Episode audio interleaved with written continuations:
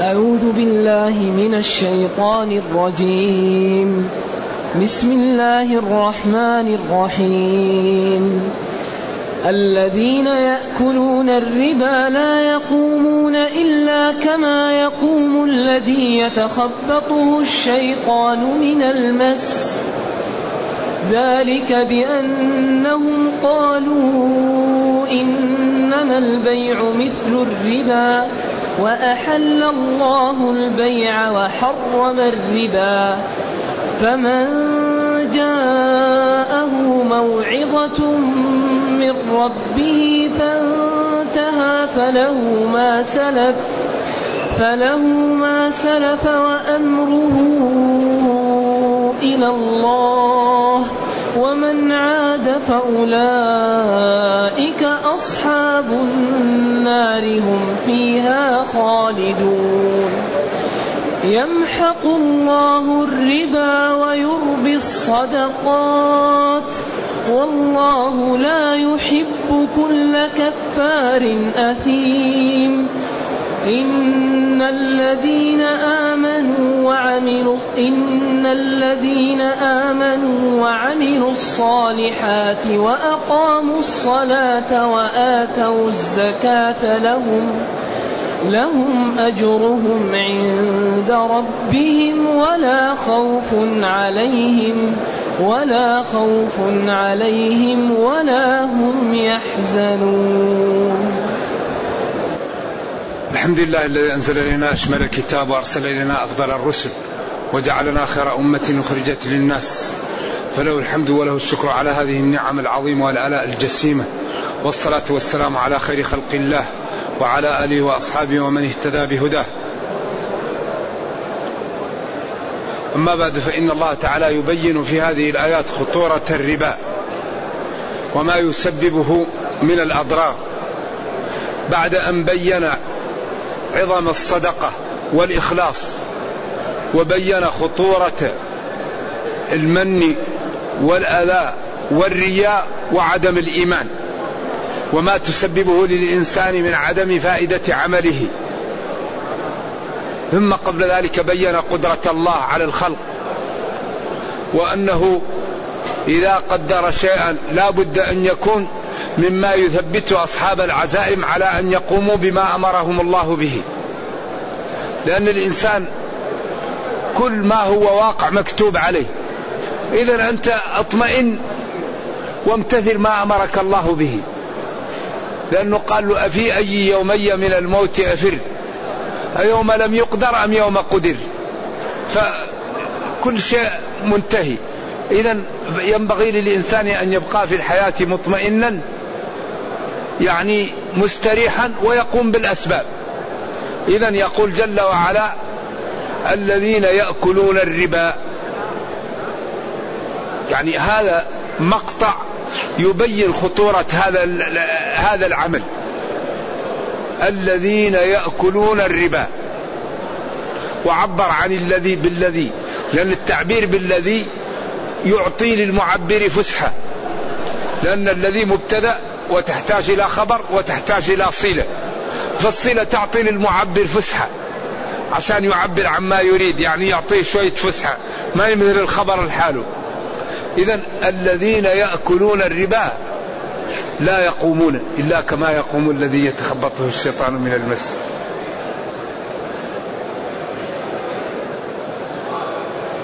إذا هذا التعبير يدل على خطورة الربا. لأن وعبر بالأكل لأن أغلب ما نستعمل للأكل أما قد الإنسان يأخذ شيء ولا يأكله يدخره أو ينميه أو لكن أغلب الأمور تراد إيش؟ للأكل للبلع. أكله إذا بلعه. نعم. لا يقومون من قبورهم. إلا كما يقوم الذي يتخبطه الشيطان. عياذا بالله الإنسان الذي يتخبطه الشيطان تشوفه يرفس ويصيح ويعمل أشياء عجيبة.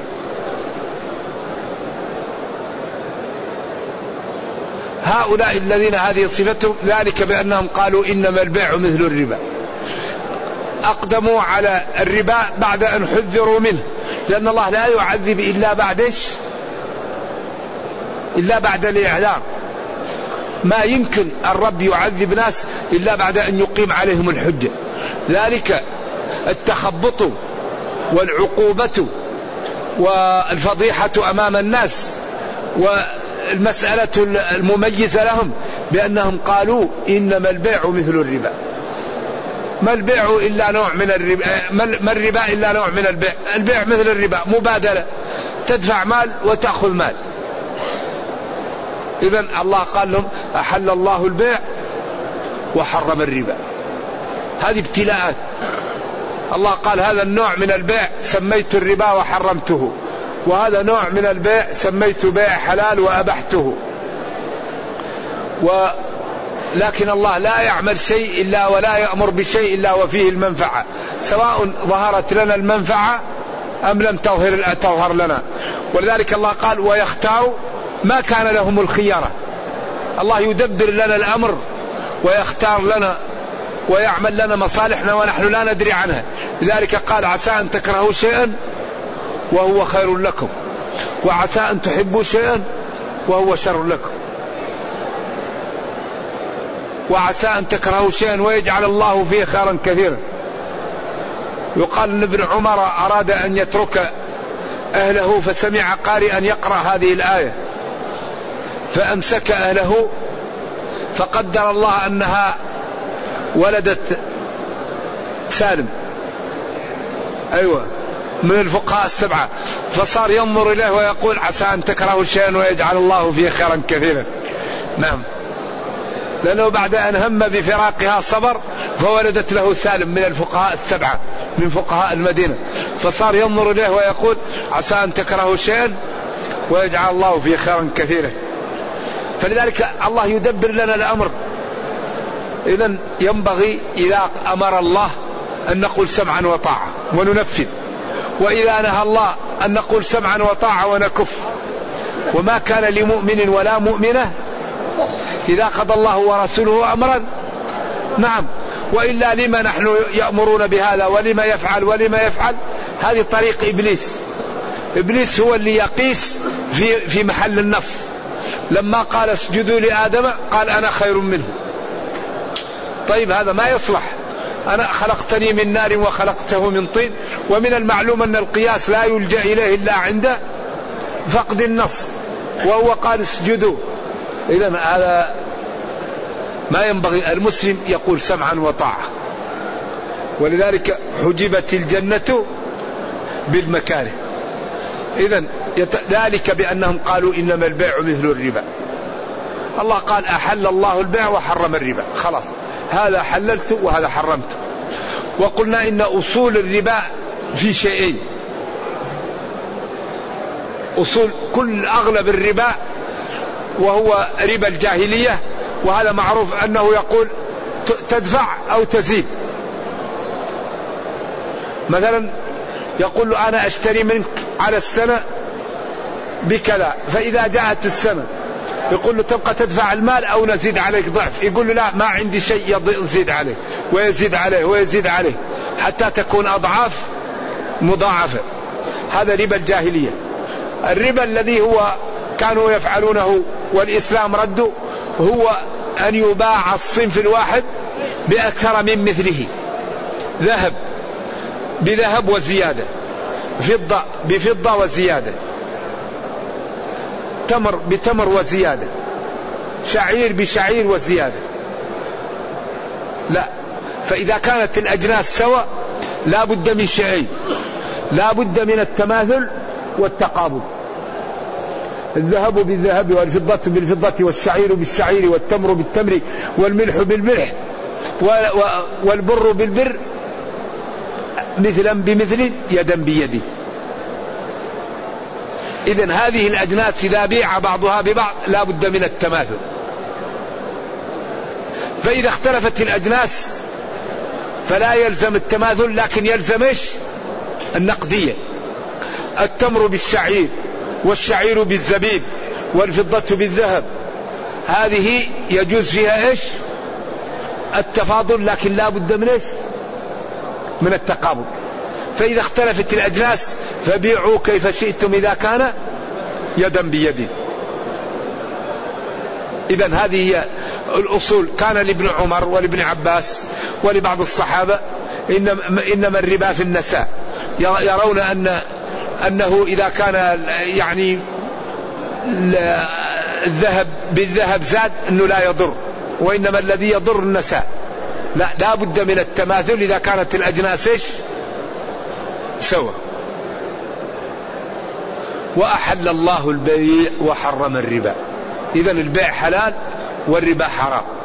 وعلى هذا لا بد للمسلم الذي يتعاطى البيع ويتعاطى التجارة أن يعرف الربا من البيع عشان يميز بينهم.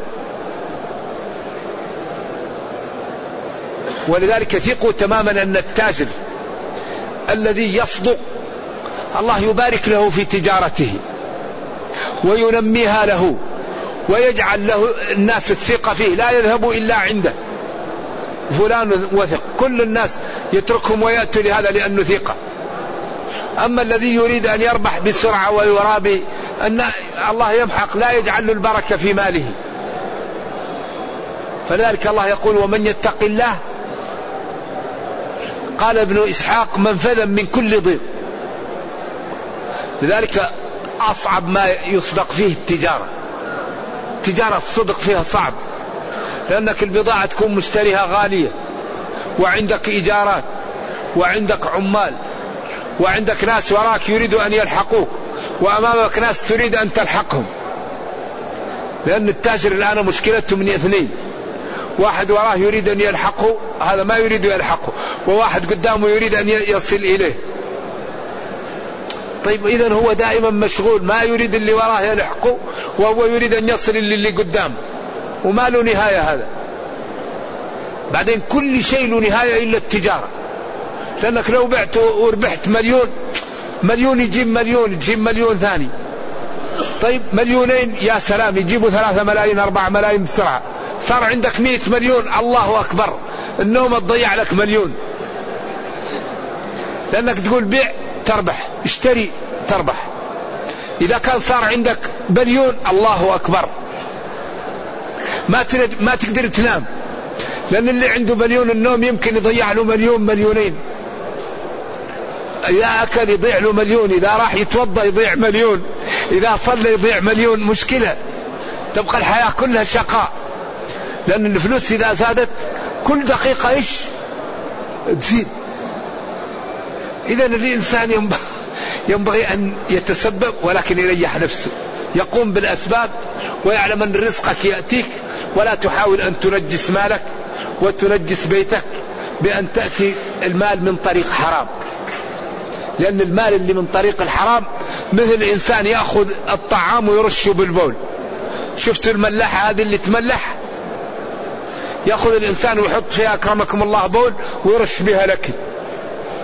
فالإنسان إذا كان يتعاطى الحرام كأنه يأخذ ماله ويأخذ أكله وينجسه. فالمسلم لا ينجس أكله ولا ينجس بيته ويترك الحرام ويحتسب عند الله. تأتيك صفقة فيها جهالة. تأتيك صفقة فيها غرر. تأتيك صفقة فيها نجش. تأتيك صفقة فيها غش؟ قل لا لا أريد. تأتيك صفقة ربحها قليل لكن ما فيها حرام. خلينا ناخذ القليل المباح أفضل لي. فإذا اتقينا الله الله يبارك لنا في الولد يبارك لنا في المال يبارك لنا في العمر يرزقنا السعادة النفسية. الإنسان يعيش مستريح. أما الحرام فعياذا بالله أولا يسبب لهذا المال الضياع. ويسبب لصاحبه الحرق يوم القيامة. وهذا لا يمكن يكون إلا بالمكابدة. لا يمكن يكابد ويستقيم على الدين إلا من يكابد الطاعة. لأن النفس والهوى ومحبة المال والشهوة هذه أمور تتعوق. لكن إذا كابد المسلم الطاعة عند ذلك ينمو الإيمان في قلبه فيقدم طاعة الله ويقدم الدين ويقدم الاستقامة على غيرها ويصبر الله يعوضه. والله يقول ولا إن الله لا يضيع. إذا الإنسان استقام لا بد أن الله يعوضه. إذا أحل الله البيع وحرم الربا. الربا حرام. هناك في بيوع غير الربا لكن هي محرمة. السلف بالزيادة. الواحد تقترضه فلوس. لكن يقول تقترضه خمسين ألف يقول لك لا بعد سنة أعطيني مية وسبعين أعطيني مئة ألف. هذا لا يجوز سلف بالزيادة. واحد تعطيه رأس مال وتضمنه ما يجوز. تعطي الواحد مئة ألف وتقول له تاجر فيها لنص الربح لكن تضمن رأس المال. هذا لا يجوز. لأن الغنم بالغرم أعطيه مئة ألف قل له يتاجر فيها إن ربح له جزء منها وإن خسر ما عليه شيء. هذا يجوز. ولذلك هي المضاربة نوع من الغرر أباحته الشريعة لاحتياج الناس إليه. وأغلب المبادلات فيها نوع من الغرر لكن أباح لأن البيع كله غرر لكن جائز لأنك قد تربح قد تخسر. فلذلك ينبغي الحقيقة أن نهتم بمعرفة البيوع وما يحل منها وما يحرم وأن نعطي لهذا لأننا إذا عرفنا هذا واتبعناه الله يبارك لنا. إذا فمن جاءه موعظة من ربه. جاءته المسألة والقضية وعرفها والحكم وبين له خطورة هذا وما يأتي وراءه فانتهى فله ما سلف من ذلك قبل أن يتوب وقبل أن يعرف الحكم.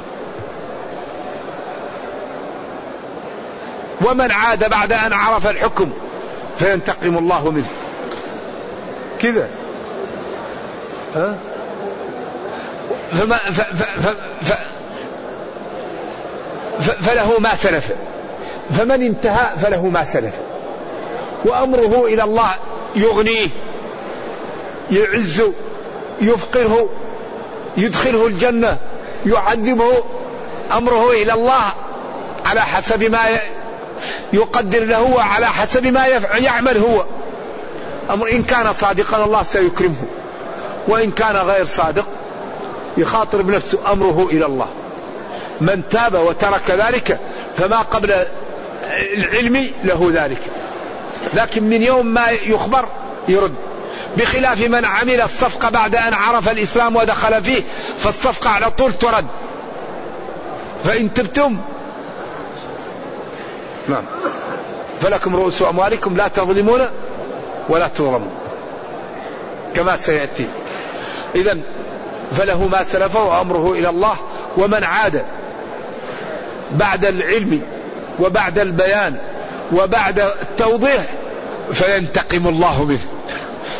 الذي يعود إلى هذا على إصرار على المعصية وعلى الإقدام على على الحرام فينتقم الله منه. الله سيعاقبه إلا إذا جاءته عناية من الله. والله فينتقم الله منه وأولئك.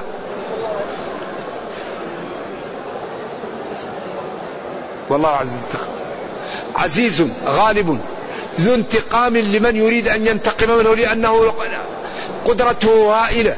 ومن أرى وإذا أراد شيئا يقول له كن فيكون. ونريد أن نقرأ على هذه الآيات في الجامع لأحكام القرآن للقرطبي لأنه أتى فيها بمسائل مفيدة تعيننا على فهم هذه القضايا لأنها قضايا مهمة. أقرأ من صفحة 348 نعم. المسائل هذه أقرأها بسرعة. بسم الله الرحمن الرحيم.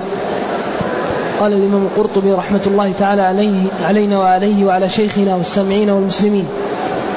قال وفيه مسائل الأولى قوله تعالى الذين يأكلون الربا يأكلون يأخذون. فعبر عن الأخذ بالأكل لأن الأخذ إنما يراد للأكل. والربا في اللغة الزيادة مطلقا. يقال ربى الشيء يربو إذا زاد. ومنه الحديث فلا والله ما أخذنا من لقمة إلا ربى من تحتها. يعني الطعام الطعام الذي دعا فيه الرسول صلى الله عليه وسلم وكان قليلا. فأصبحوا كل ما أخذوا لقمة تنبت لقمة تحتها حتى شبع الجيش وبقي الطعام كحاله. وهذه من معجزاته صلى الله عليه وسلم. محل الشاهد فما أخذنا من شيء إلا ربا. أن ربا بمعنى زاد. ولذلك هو الربا لأنه يقول زيد أربي يعني زيد في السلعة. نعم. يعني الطعام الذي دعا فيه النبي صلى الله عليه وسلم بالبركة. خرج الحديث مسلم رحمة الله تعالى عليه. وقياس كتابته بالياء للكسرة في أوله وقد كتبوه في القرآن بالواو ثم إن الشرع قد تصرف في هذا الإطلاق فقصره على بعض موارده. فمرة أطلقه على كسب الحرام كما قال الله تعالى في اليهود وأخذهم الربا وقد نهوا عنه. ولم يرد به الربا الشرعي الذي حكم بتحريمه علينا. وإنما أراد المال الحرام كما قال تعالى سماعون للكذب أكالون للسحت. يعني به المال الحرام من الرشا وما استحلوه من أموال الأميين حيث قالوا ليس علينا في الأميين سبيل. إذا الربا يطلق إطلاقين في الشريعة. يطلق على الحرام ويطلق على الربا الذي هو ربا الفضل وربا النساء والمعاملات التي سميت ربا أو الزيادة على السر وهو في الذمة لم تقبضه. هذا كله يقال له ربا. فالربا الذي هو أطلق على اليهود هذا من باب إطلاق الربا على الحرام. لأن من أشنع الحرام الربا فكل حرام يلحق بالربا لحرمته. نعم.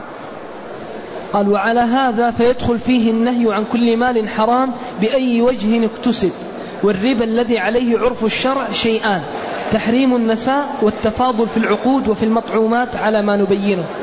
وغالبه تحريم النساء في الأطعمة بينها وتحريم التفاضل في الجنس الواحد. نعم. وغالبه ما كانت العرب تفعله من قولها للغريم أتقضي أم تربي فكان الغريم يزيد في عدد المال ويصبر الطالب عليه وهذا كله محرم باتفاق الأمة. نعم. ولذلك قال تربي أم تزيد؟ أم تقضي أم تربي ولذلك في اقتصاديون ألمان قبل سنوات قليلة قالوا إن لم تحارب الفائدة فالعالم في في خطر. لأن هذا الربا وهذه الفوائد تسبب للأمة دمار لأن في النهاية يبقى كل المال بيد واحد شخص واحد. لذلك الله قال هذا قبل 14 قرن قال فإن لم تفعلوا فهم الآن قالوا إن لم تحارب الفائدة فالعالم في خطر.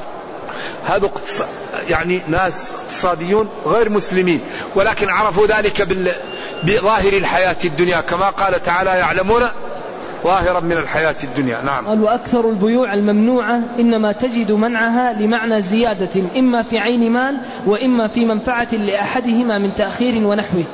نعم. ومن هذا أغلب أغلب البيوع تأتيها الفساد إما من عينها كالربا أو من وصف يكون غرر أو جهالة أو ضمان أو أمور. هذه التي تسبب للبيوع المشاكل. نعم. ومن البيوع ما ليس فيه معنى الزيادة كبيع الثمرة قبل بدو صلاحها وكالبيع ساعة النداء يوم الجمعة. فإن قيل لفاعلها آكل الربا فإن قيل لفاعلها آكل الربا فتجوز وتشبيه. نعم. لأن الذي يبيع الثمرة قبل بدو صلاحها لأنها عرضة للفساد. فإذا فسدت كيف يأخذ مال أخيه؟ لذلك قالوا قال ما صلحها؟ قال حتى تحمر وتصفر. يعني يؤمن أنها ما, ما بقيت الجائحة تضرها ضرر بين. نعم. أما قبل أن يتثبت منها فشراؤها في هذا الوقت وبيعها هذا فيه غرر على على الناس. لذلك نهى عن ذلك نعم. وهذا حفاظ على الجميع. حفاظ على هذا أن لا يأكل شيء حرام وحفاظ على هذا أن لا يضيع ماله. فكل منهم يحافظ عليه من جهة. فهذا يحافظ على ماله من الضياع وهذا يحافظ عليه أن لا يأكل حرام فيتنجس. نعم.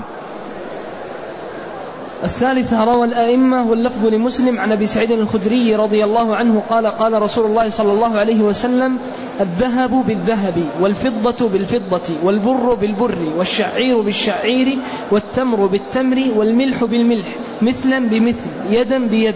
فمن زاد أو استزاد فقد أربى الآخذ والمعطي فيه سواء. نعم.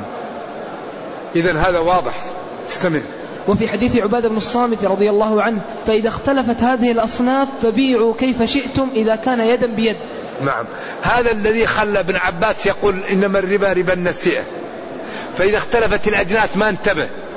هو ولذا ابن عباس وابن عمر كان لهم رأي ولكن بعدين فهموا وابن عباس جاء للموسم وقال لهم ما قلت لكم في السنة الماضية أنا كان رأيا مني وتبين لي أنه خطأ رضي الله عنه. ولذلك الصحابة لا يكون واحد منهم عنده أي حرج إذا قال كلاما مرجوحا أن يرد يرجع عنه. وأبو هريرة لما قال من أصبح جنوبا فسد صومه لما سئل عن ذلك قال ذكر لي فلان قال اذا أنا هذا رجع عنه على طول. أي واحد من الصحابة يقول قول ويظهر أنه مرجوح يرجع عنه. وأي أحد العلماء يقول قول ويرجح أنه ويظهر أنه مرجوح يرجع عنه. ولذلك العلم من فائدته أن كل إنسان يؤخذ من كلامه ويرد إلا النبي صلى الله عليه وسلم. فلا يسلم من الخطأ إلا من لا يتكلم. لكن الذي يعاب أن يصر الإنسان ويستمر على الخطأ. يقال له هذا خطأ يقول لا ويستمر. وإنما كلكم خطاؤون وخير الخطائين التوابون. ولذلك كل واحد من الأئمة تروى عنه روايات ويروى عنه الرجوع عنها.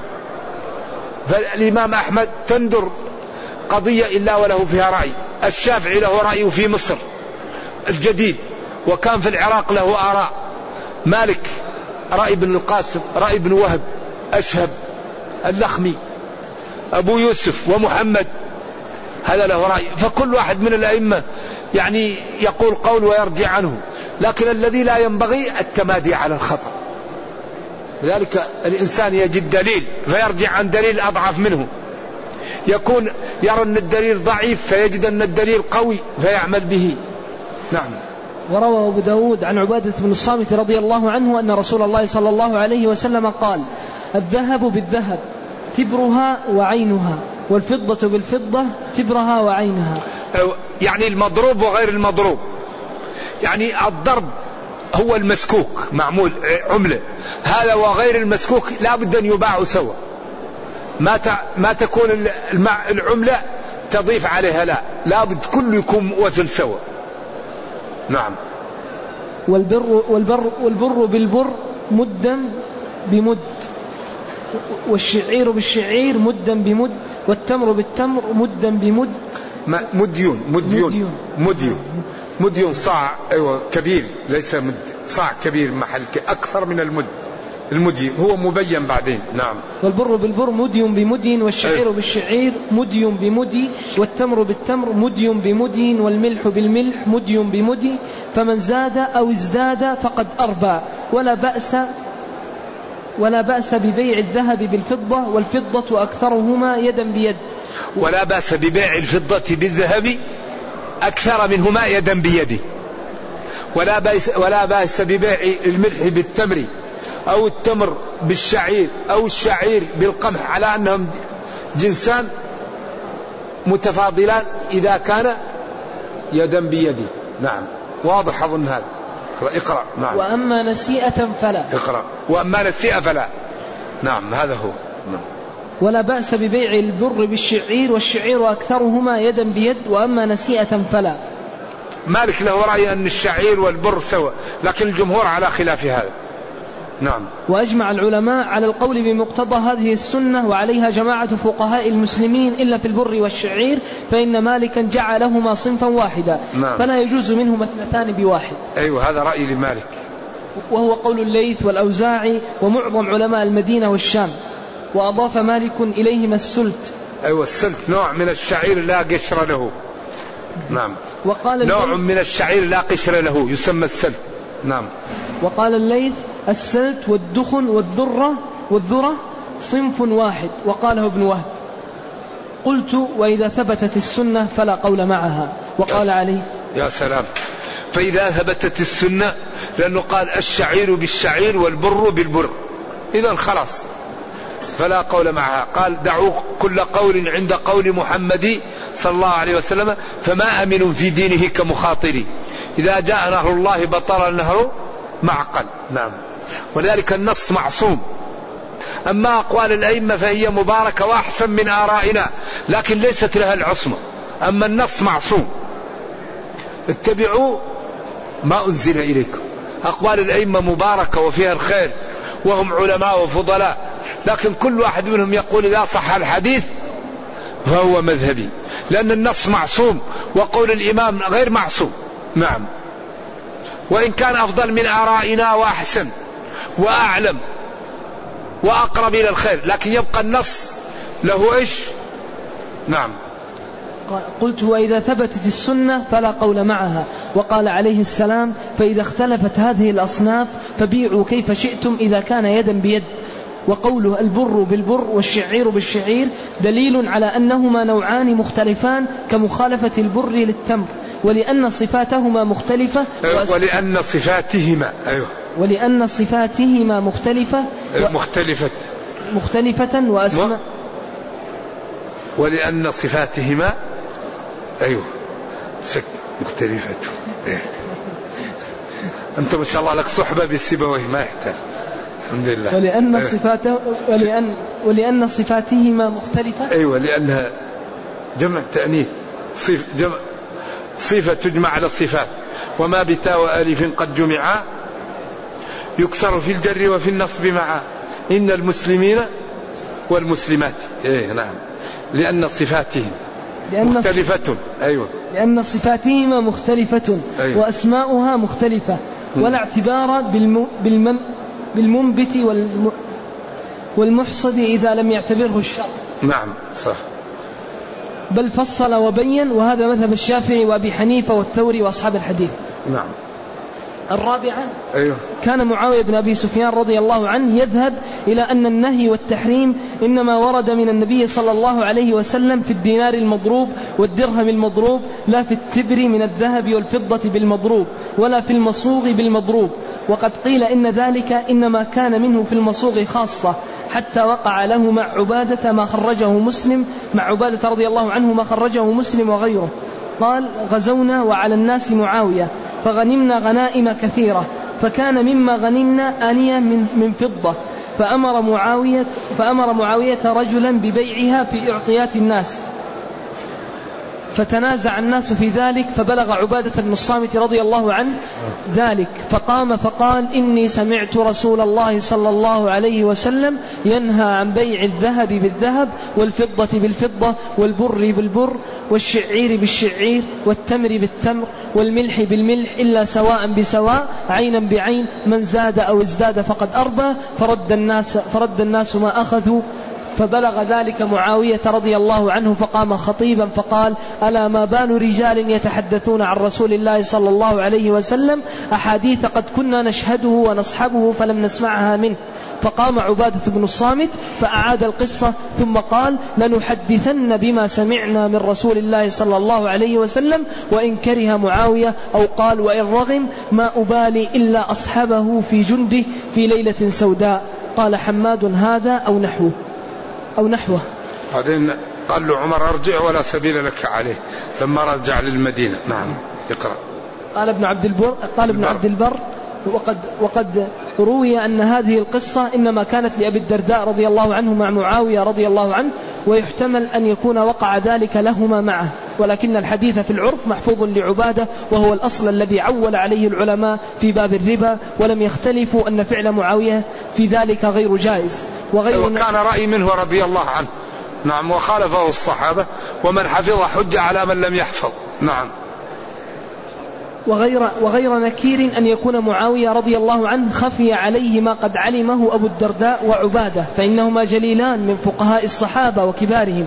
وقد خفي على أبي بكر وعمر رضي الله عنهما ما وجد عند غيرهم ممن هو دونهم. فمعاوية أخرى ويحتمل أن يكون مذهبه كمذهب ابن عباس رضي الله عنهما فقد كان وهو بحر في العلم لا يرى الدرهم بالدرهمين بأسا حتى صرفه عن ذلك أبو سعيد رضي الله عنه. وقصة معاوية هذه مع عبادة كانت في ولاية عمر. قال قبيصة بن ذؤيب إن عبادة أنكر شيئا على معاوية فقال لا أساكنك بأرض لا أساكنك بأرض أنت بها. ودخل المدينة فقال له عمر ما أقدمك؟ فأخبره. فقال ارجع إلى مكانك فقبح الله أرضا لست فيها ولا أمثاله وكتب إلى معاوية لا إمارة لك عليه. خلي هذا. نعم. لذلك لما جاء الطاعون قال بعضهم نقدم اللي كتب الله نفعل وقال بعضهم لا نقدم حتى جاء أبو عبيدة وقال عندي حديث في ذلك. إذا جاء الطاعون في أرض وأنت فيها فلا تخرج منها. وإذا جاء الطاعون لأرض وأنت لست فيها فلا تأتي إليها. نعم. ولذا وكثيرا ما يأتي تأتي مسائل فيجمع الصحابة ويقول هل عنده سنة؟ فيجد سنة. أبو بكر لما جاءت الجدة قال لا أجد لها شيء. حتى جاء الصحابي وقال أطعمها النبي صلى الله عليه وسلم السدس. فهذا كثيرا ما يقع نعم. لذلك من حفظ حجة على من لم يحفظ نعم. خامسة روى الأئمة واللفظ للدار قطني عن علي رضي الله عنه قال قال رسول الله صلى الله عليه وسلم الدينار بالدينار والدرهم بالدرهم لا فضل بينهما. من كانت له حاجة بورق فليصرفها بذهب وإن كانت له حاجة بذهب فليصرفها بورق هاء وهاء. نعم. قال العلماء فقوله عليه السلام الدينار بالدينار والدرهم بالدرهم لا فضل بينهما إشارة إلى جنس الأصل المضروب بدليل قوله الفضة بالفضة والذهب بالذهب الحديث. والفضة البيضاء والسوداء والذهب الأحمر والأصفر كل ذلك لا يجوز بيع, بيع بعضه ببعض إلا مثلا بمثل سواء بسواء على كل حال. على هذا جماعة أهل العلم على ما بينا واختلفت الرواية عن مالك في الفلوس فألحقها بالدراهم من حيث كانت ثمنا للأشياء ومنع من إلحاقها مرة من حيث أنها ليست ثمنا في كل بلد وإنما يختص بها بلد دون بلد. نعم اقرأ. السادسة لا اعتبار بما قد روي عن كثير من أصحاب مالك وبعضهم يرويه عن مالك في الناجر يحفزه الخروج. وبه حاجة إلى دراهم مضروبة أو دنانير مضروبة. فيأتي دار, فيأتي دار الضرب بفضته أو ذهبه فيقول للضراب خذ فضتي هذه أو ذهبي وخذ قدر عمل يدك وادفع إلي دنانير مضروبة في ذهبي أو دراهم مضروبة في فضتي هذه لأني محفوز للخروج وأخاف أن يفوتني من أخرج معه. أن ذلك نعم هذا مالك يقول يجوز الجمهور يقول لا يجوز لأن فيه زيادة. وهذا الذي يتوسل به يقول لك هذه الزيادات عشان الأوراق وعشان الموظفين ما هو عشان الزيادة. أيوه هذه مشكلة. نعم. وأنه قد عمل به بعض الناس وحكاه ابن العربي في قبسه عن مالك في غير الناجر في غير التاجر وأن مالكا خفف في ذلك. فيكون في الصورة قد باع فضته التي زينتها مئة وخمسة دراهم أجره بمئة وهذا محض الربا. نعم.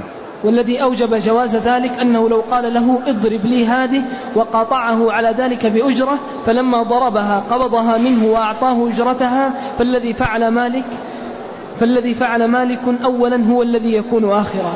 ومالك إنما نظر إلى المال فركب عليه حكم الحال وأباه سائر الفقهاء. لأن الفقهاء إنما البيع مثل الربا لكن الله حل البيع وحرم الربا. فلذلك قال له بيع التمرة ثم اشتري الجنيب لأنه كان يأخذ الصاع بالصاعين والثلاثة. قال له أكل تمر خيبر مثل هذا؟ قال له لا. كنت أشتري الصاع بالصاعين والصاعين بالثلاثة. قال له أوه أوه عين الربا.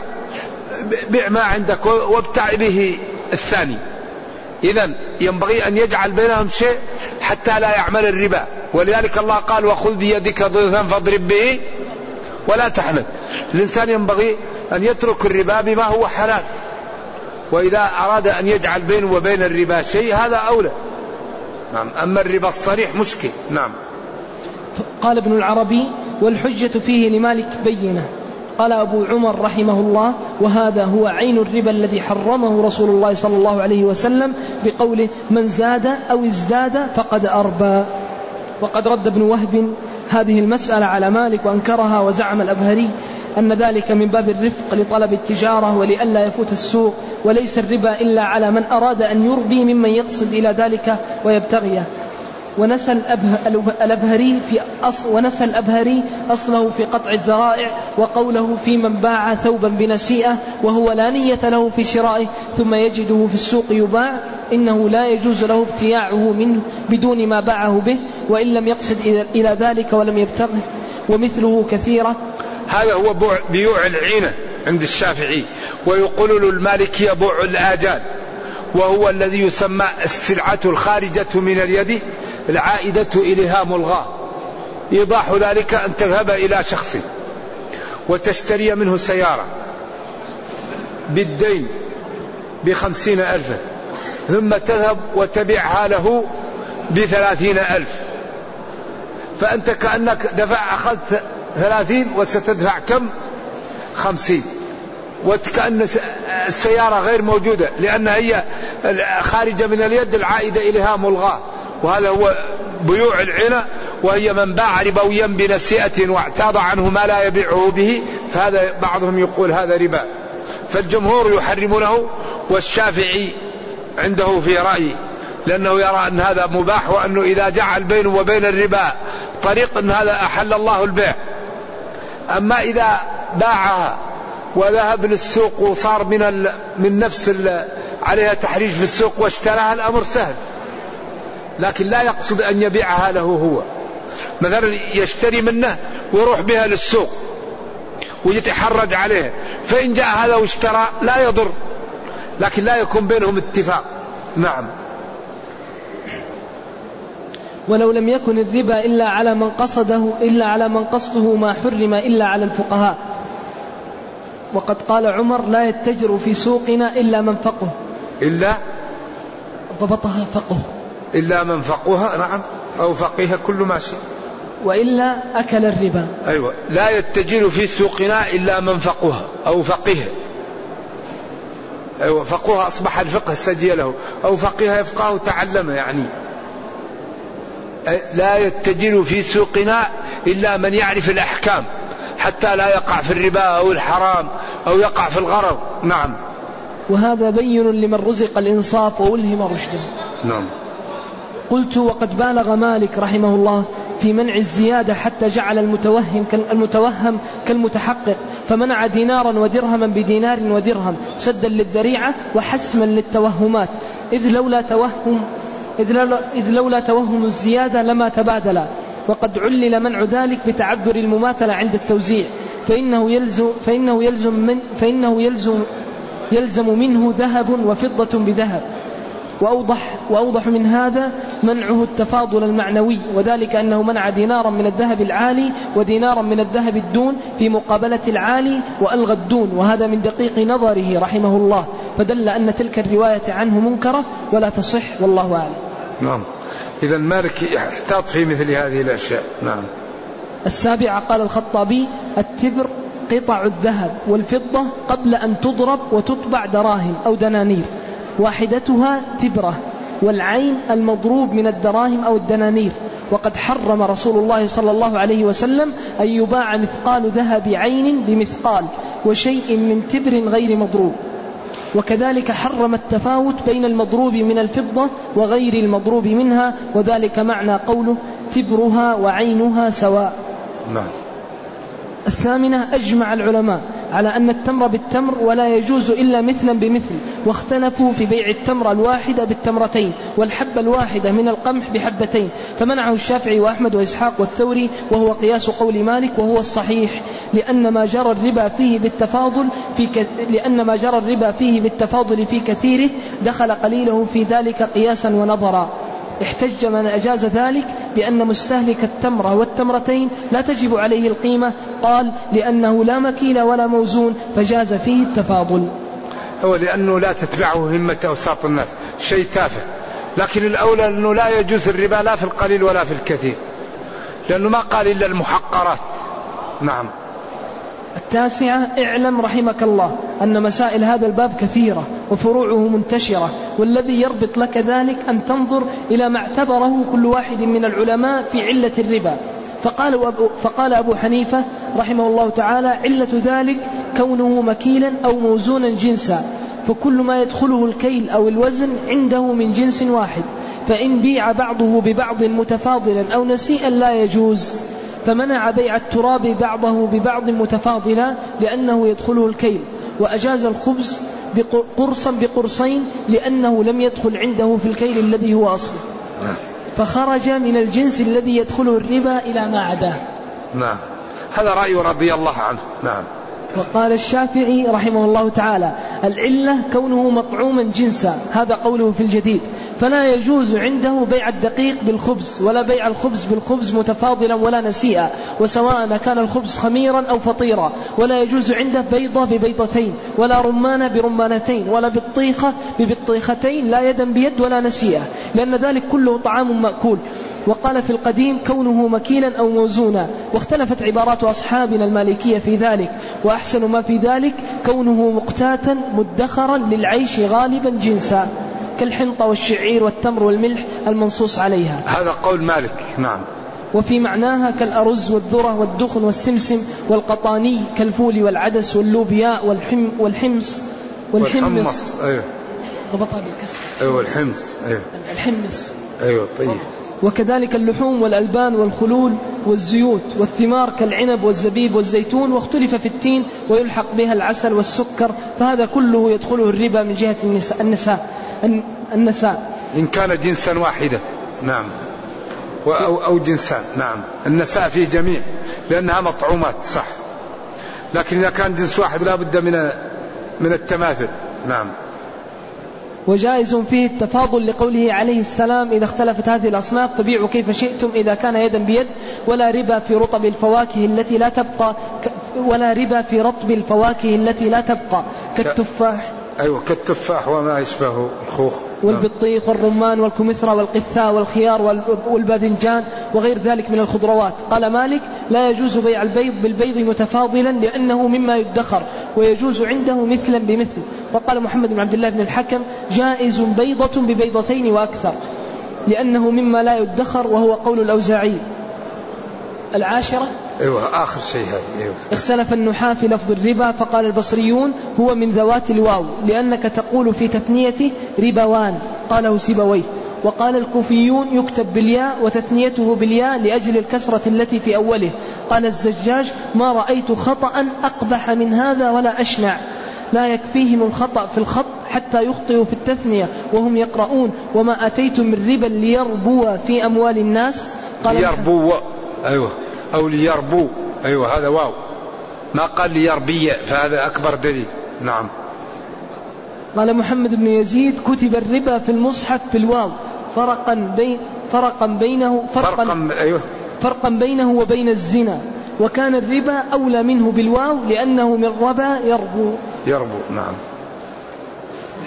خلاص نكتفي بهذا. هذه مسائل الحقيقة مفيدة في الكتاب هذا لعلنا نقرأ منها لأنه هذا الباب مهم. ما نكتفي بهذا اليوم. طولنا على الأخوان نأخذ ثلاثة أسئلة بس. بعدين نكمل.